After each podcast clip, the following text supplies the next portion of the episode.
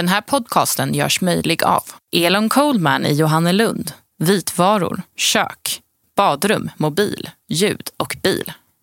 Fonus Öst, en riktig begravningsbyrå. I 25 år har Karina Glänning författat krönikor. Det är en salig blandning av förnumstigheter och klavertramp. I podden Glennings gliringar läser Karina en handfull av dessa per avsnitt. Mycket nöje! Idag ska det handla om att eh, jag inte vill ha Björn Borg i mitt skrev.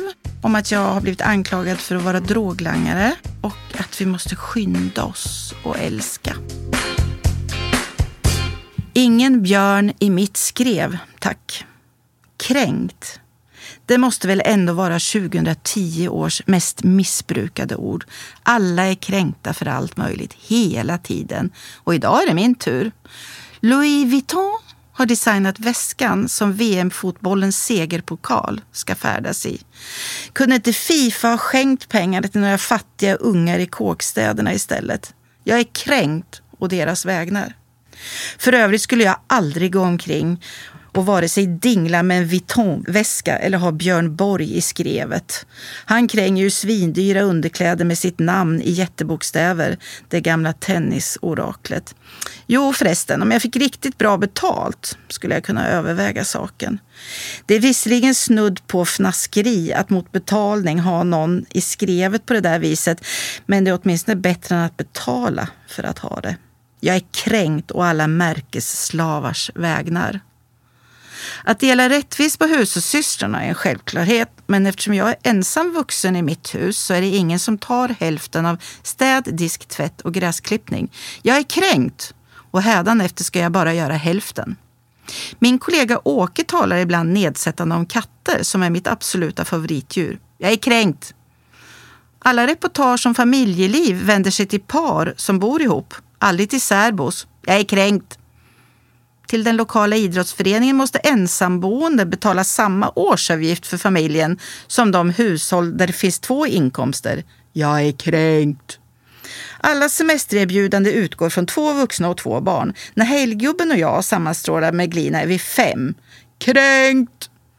För fruntimmer i min ålder rekommenderar världens alla kosmetikföretag anti-wrinkle produkter. För att det är fult med rynkor, eller? Ni säger att jag är ful alltså? Jag är kränkt! Mjölkbilen kör som en blådåre där hemma på småvägarna och förutsätter att alla den möter kör halvt ner i diket bara för att den är större. Jag är kränkt. Nej men nu har jag ingen plats kvar att vara kränkt på. Eh, sidan är ju slut. Jag är kränkt. Jag en langare av havre. I fredags hände något dramatiskt i mitt liv. Jag blev osams med min stormarknad. Nu vet jag inte hur jag ska gå vidare. Hur gör man slut med sin mataffär? Lönehelg och allmänt kaos på stormarknaden när jag skulle veckohandla i fredags kväll. Så för att spara tid skickar jag min snart 17-åriga dotter till förbutiken för att köpa tobaksfritt snus menar jag, börjar handla. Låtsassnuset innehåller vatten, fibrer av havre och kakao, salmiak plus lite E-nummer. Det funkar som ett slags napp för oss snusare som har lagt av. Dottern kommer tillbaka och meddelar att hon nekats köp. Jag går till förbutiken och får förklarat för mig att affärens regler säger att även för tobaks och nikotinfritt snus gäller 18-årsgräns. Detta för att nikotinfritt snus kan fungera som inkörsport till riktigt snus. Okej, okay, säger jag. Jag köper den argumentationen. Inget konstigt så långt. Eh, men det är nu den här händelsen påbörjar sin resa mot ren absurditet. För när jag nu vill köpa en dosa nikotin och tobaksfritt snus så nekas jag med hänvisning till att det finns skäl att misstänka att jag ska langa havrefibrerna till min dotter som just nekats köp. Alltså, jag lämnar affären och ringer från parkeringen upp en av stormarknadens chefer och förklarar situationen. Jag är en gammal stamkund hos er som behöver veckohandla och frågar den här chefen vad jag ska göra. I min vanliga affär, där hon är chef, eller i en annan stormarknad en bit därifrån, undrar jag. Hon tycker att jag ska komma in igen och handla. Det går inte, förklarar jag. Jag har just försökt och blev då nekad att köpa en av de saker jag vill ha. Nu antyder chefen att jag skulle kunna lämna dottern utanför och komma tillbaka in, ensam. Alltså på riktigt. Va? För fem minuter sedan blev jag nekad att köpa låtsassnus med hänvisning till att jag kunde misstänkas langa det till min dotter.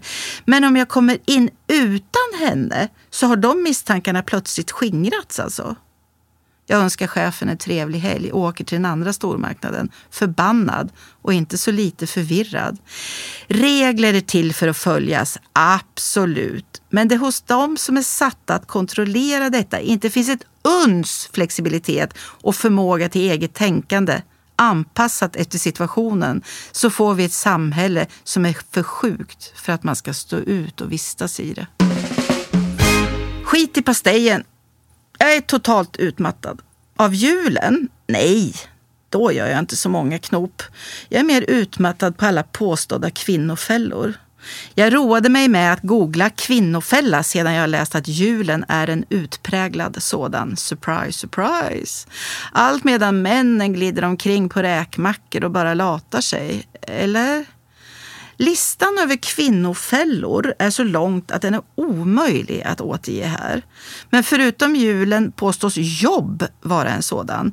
Computer Sweden uppger att varannan kvinna upplever att jobbet försämrar deras hälsa. Jaha, jag är alldeles övertygad om att många män i skitiga lågstatusjobb instämmer i det, men självklart är de inte tillfrågade. Vidare betraktas följande som utpräglade kvinnofällor. Nej, detta är inte ett skämt, jag lovar delad vårdnad, jobba hemifrån, ja, alltså samt att jobba borta då också. Flexibla arbetstider, bergsklättring, eh, kärnfamiljen, starta eget, överblivet halloweengodis, Martin Timell, offentliga monopol, skilsmässa, Ladies Night, regionförstoring, självförverkligande, yoga, p-piller, Ja, men sluta. Det här är alltså en lista på utpräglade kvinnofällor. Det enda jag inte hittar på listan är musfällan, men det kommer nog när det visar sig att fler kvinnor än män skadas när sådana ska tömmas. Jag vill påstå att de som framför allt ställer orimliga krav på kvinnor kring jul är kvinnor.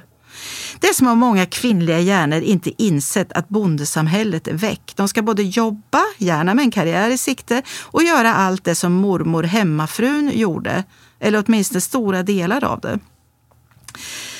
Den här mediebilden av kvinnor, att vi ständigt och jämt måste kämpa för att inte fastna i luriga fällor. Hur länge ska den gödas? Och framför allt, vad gör den med oss? Att ideligen tjata om att vi skulle vara offer är ju inte direkt uppbyggligt, stärker ingens självförtroende. I värsta fall gör offertjatet att vi blir just offer den största kvinnofällan blir till slut att vara kvinna och enda lösningen i sikte är sålunda ja, ett, ett könsbyte. Om hela livet är en kvinnofälla kan man också undra hur det kommer sig att kvinnor får fem bonusår här i jordelivet. Eller är de fem åren också att betrakta som en kvinnofälla? Jag menar, vi lever ju längre. Bitterhet, martyrskap, offerroll, kvinnofällor, babbel om att vi är drabbade av strukturer. Men sluta, lägg av! Bli kapten över din egen livsskuta istället. Vänd energislukande, krävande släktingar vid jul ryggen. Lär dig säga gör det själv. Tagga ner och skit i pastejen.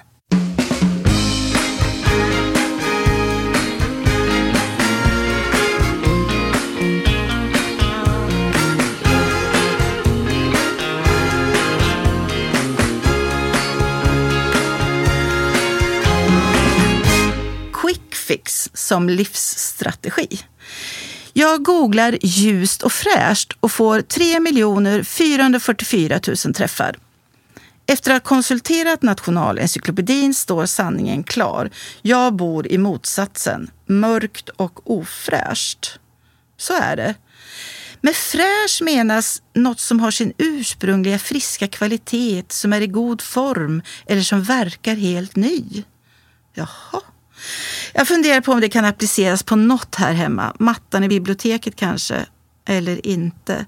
Hur många månader får en matta ha på nacken för att fortfarande betraktas som fräsch? Förresten, den går bort ändå. Den är inte ljus. Det är bara att inse faktum. Knappt något har kvar sin friska kvalitet och verkar helt ny.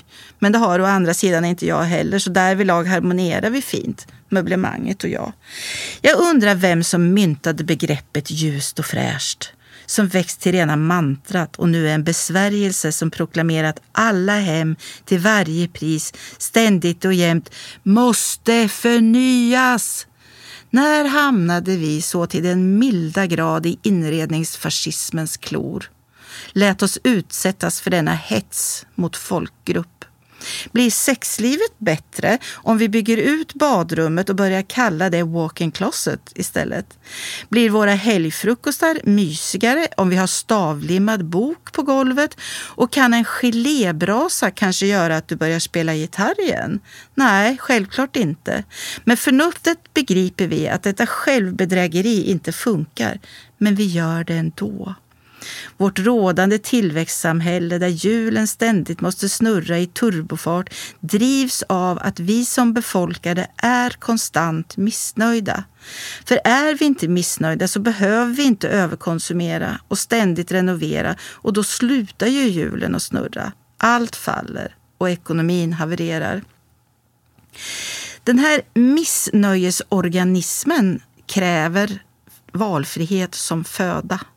När det för 50 år sedan bara fanns tre sorters duschdraperier var valet enkelt. Men idag finns det tiotusentals draperier. Och varför inte göra ett statement? Visa att man inte är vem som helst genom att beställa ett specialdesignat draperi med en stiliserad Tintin på, tillverkat i Berlin.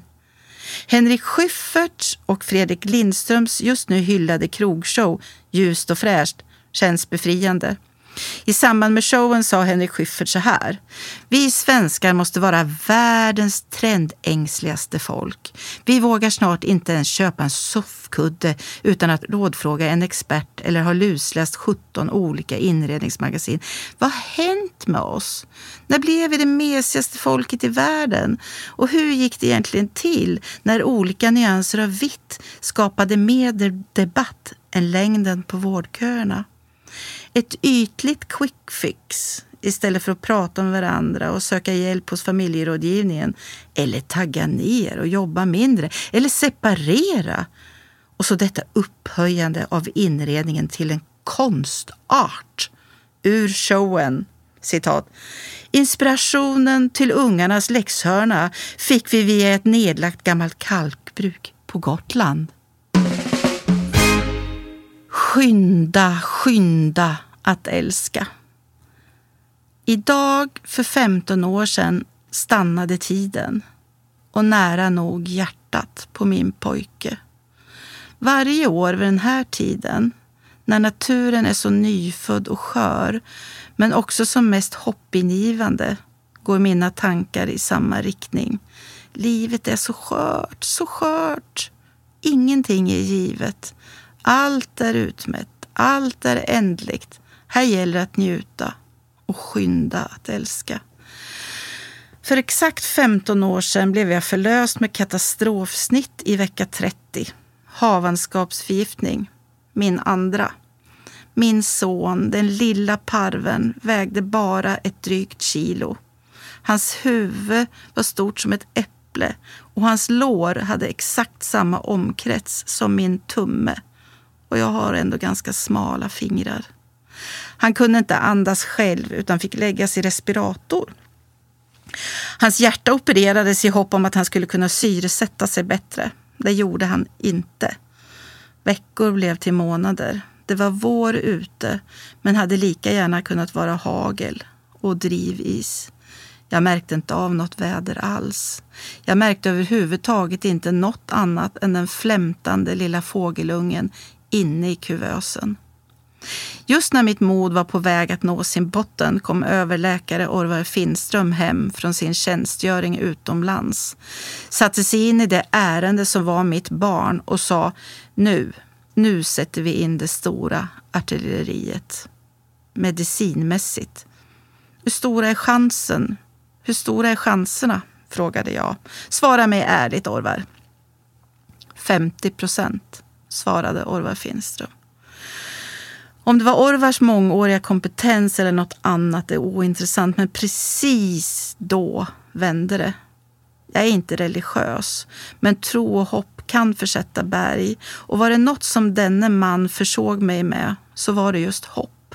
Trots den dystra prognosen han just levererat mig gav Orvar Finström mig en urbota stark kraft som jag tror att jag har kvar än idag. Och ibland tänker jag att jag kanske lyckades överföra lite av den där styrkan till min älskade unge när han under stort mankemang flyttades ut från kuvösen med alla slangar och sladdar till respiratorn och lades på mitt bröst under en värmefilt. Timme ut och timme in, dygn efter dygn och vecka efter vecka låg han där. Och alla värden på dataskärmen han var kopplad till blev så mycket bättre när han låg där. Hos mig eller hos sin pappa. Mänsklig värme och närhet, en annans trygga hjärtslag. Så enkelt att det är lätt att glömma hur viktigt och stort det är. Jag hoppas att du liksom jag njuter av våren, Orvar. Jag hoppas att du är nöjd med och förmår känna dig stolt över ditt fantastiska livsverk på neonatalavdelningen i Linköping och med alla hundratals ungar du har hjälpt tillbaka till livet. Och jag önskar så att alla som drabbades av svår sjukdom skulle ha turen att få hamna hos en doktor som du med din oslagbara kombination av hjärna och hjärta, professionalism och medmänsklig värme. Och till min 15-åriga pojk. Grattis min älskling. Du är dyrbar. Till er andra, skynda att älska.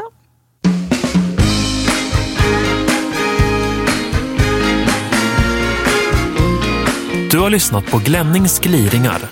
Ansvarig utgivare, Christer Kustvik.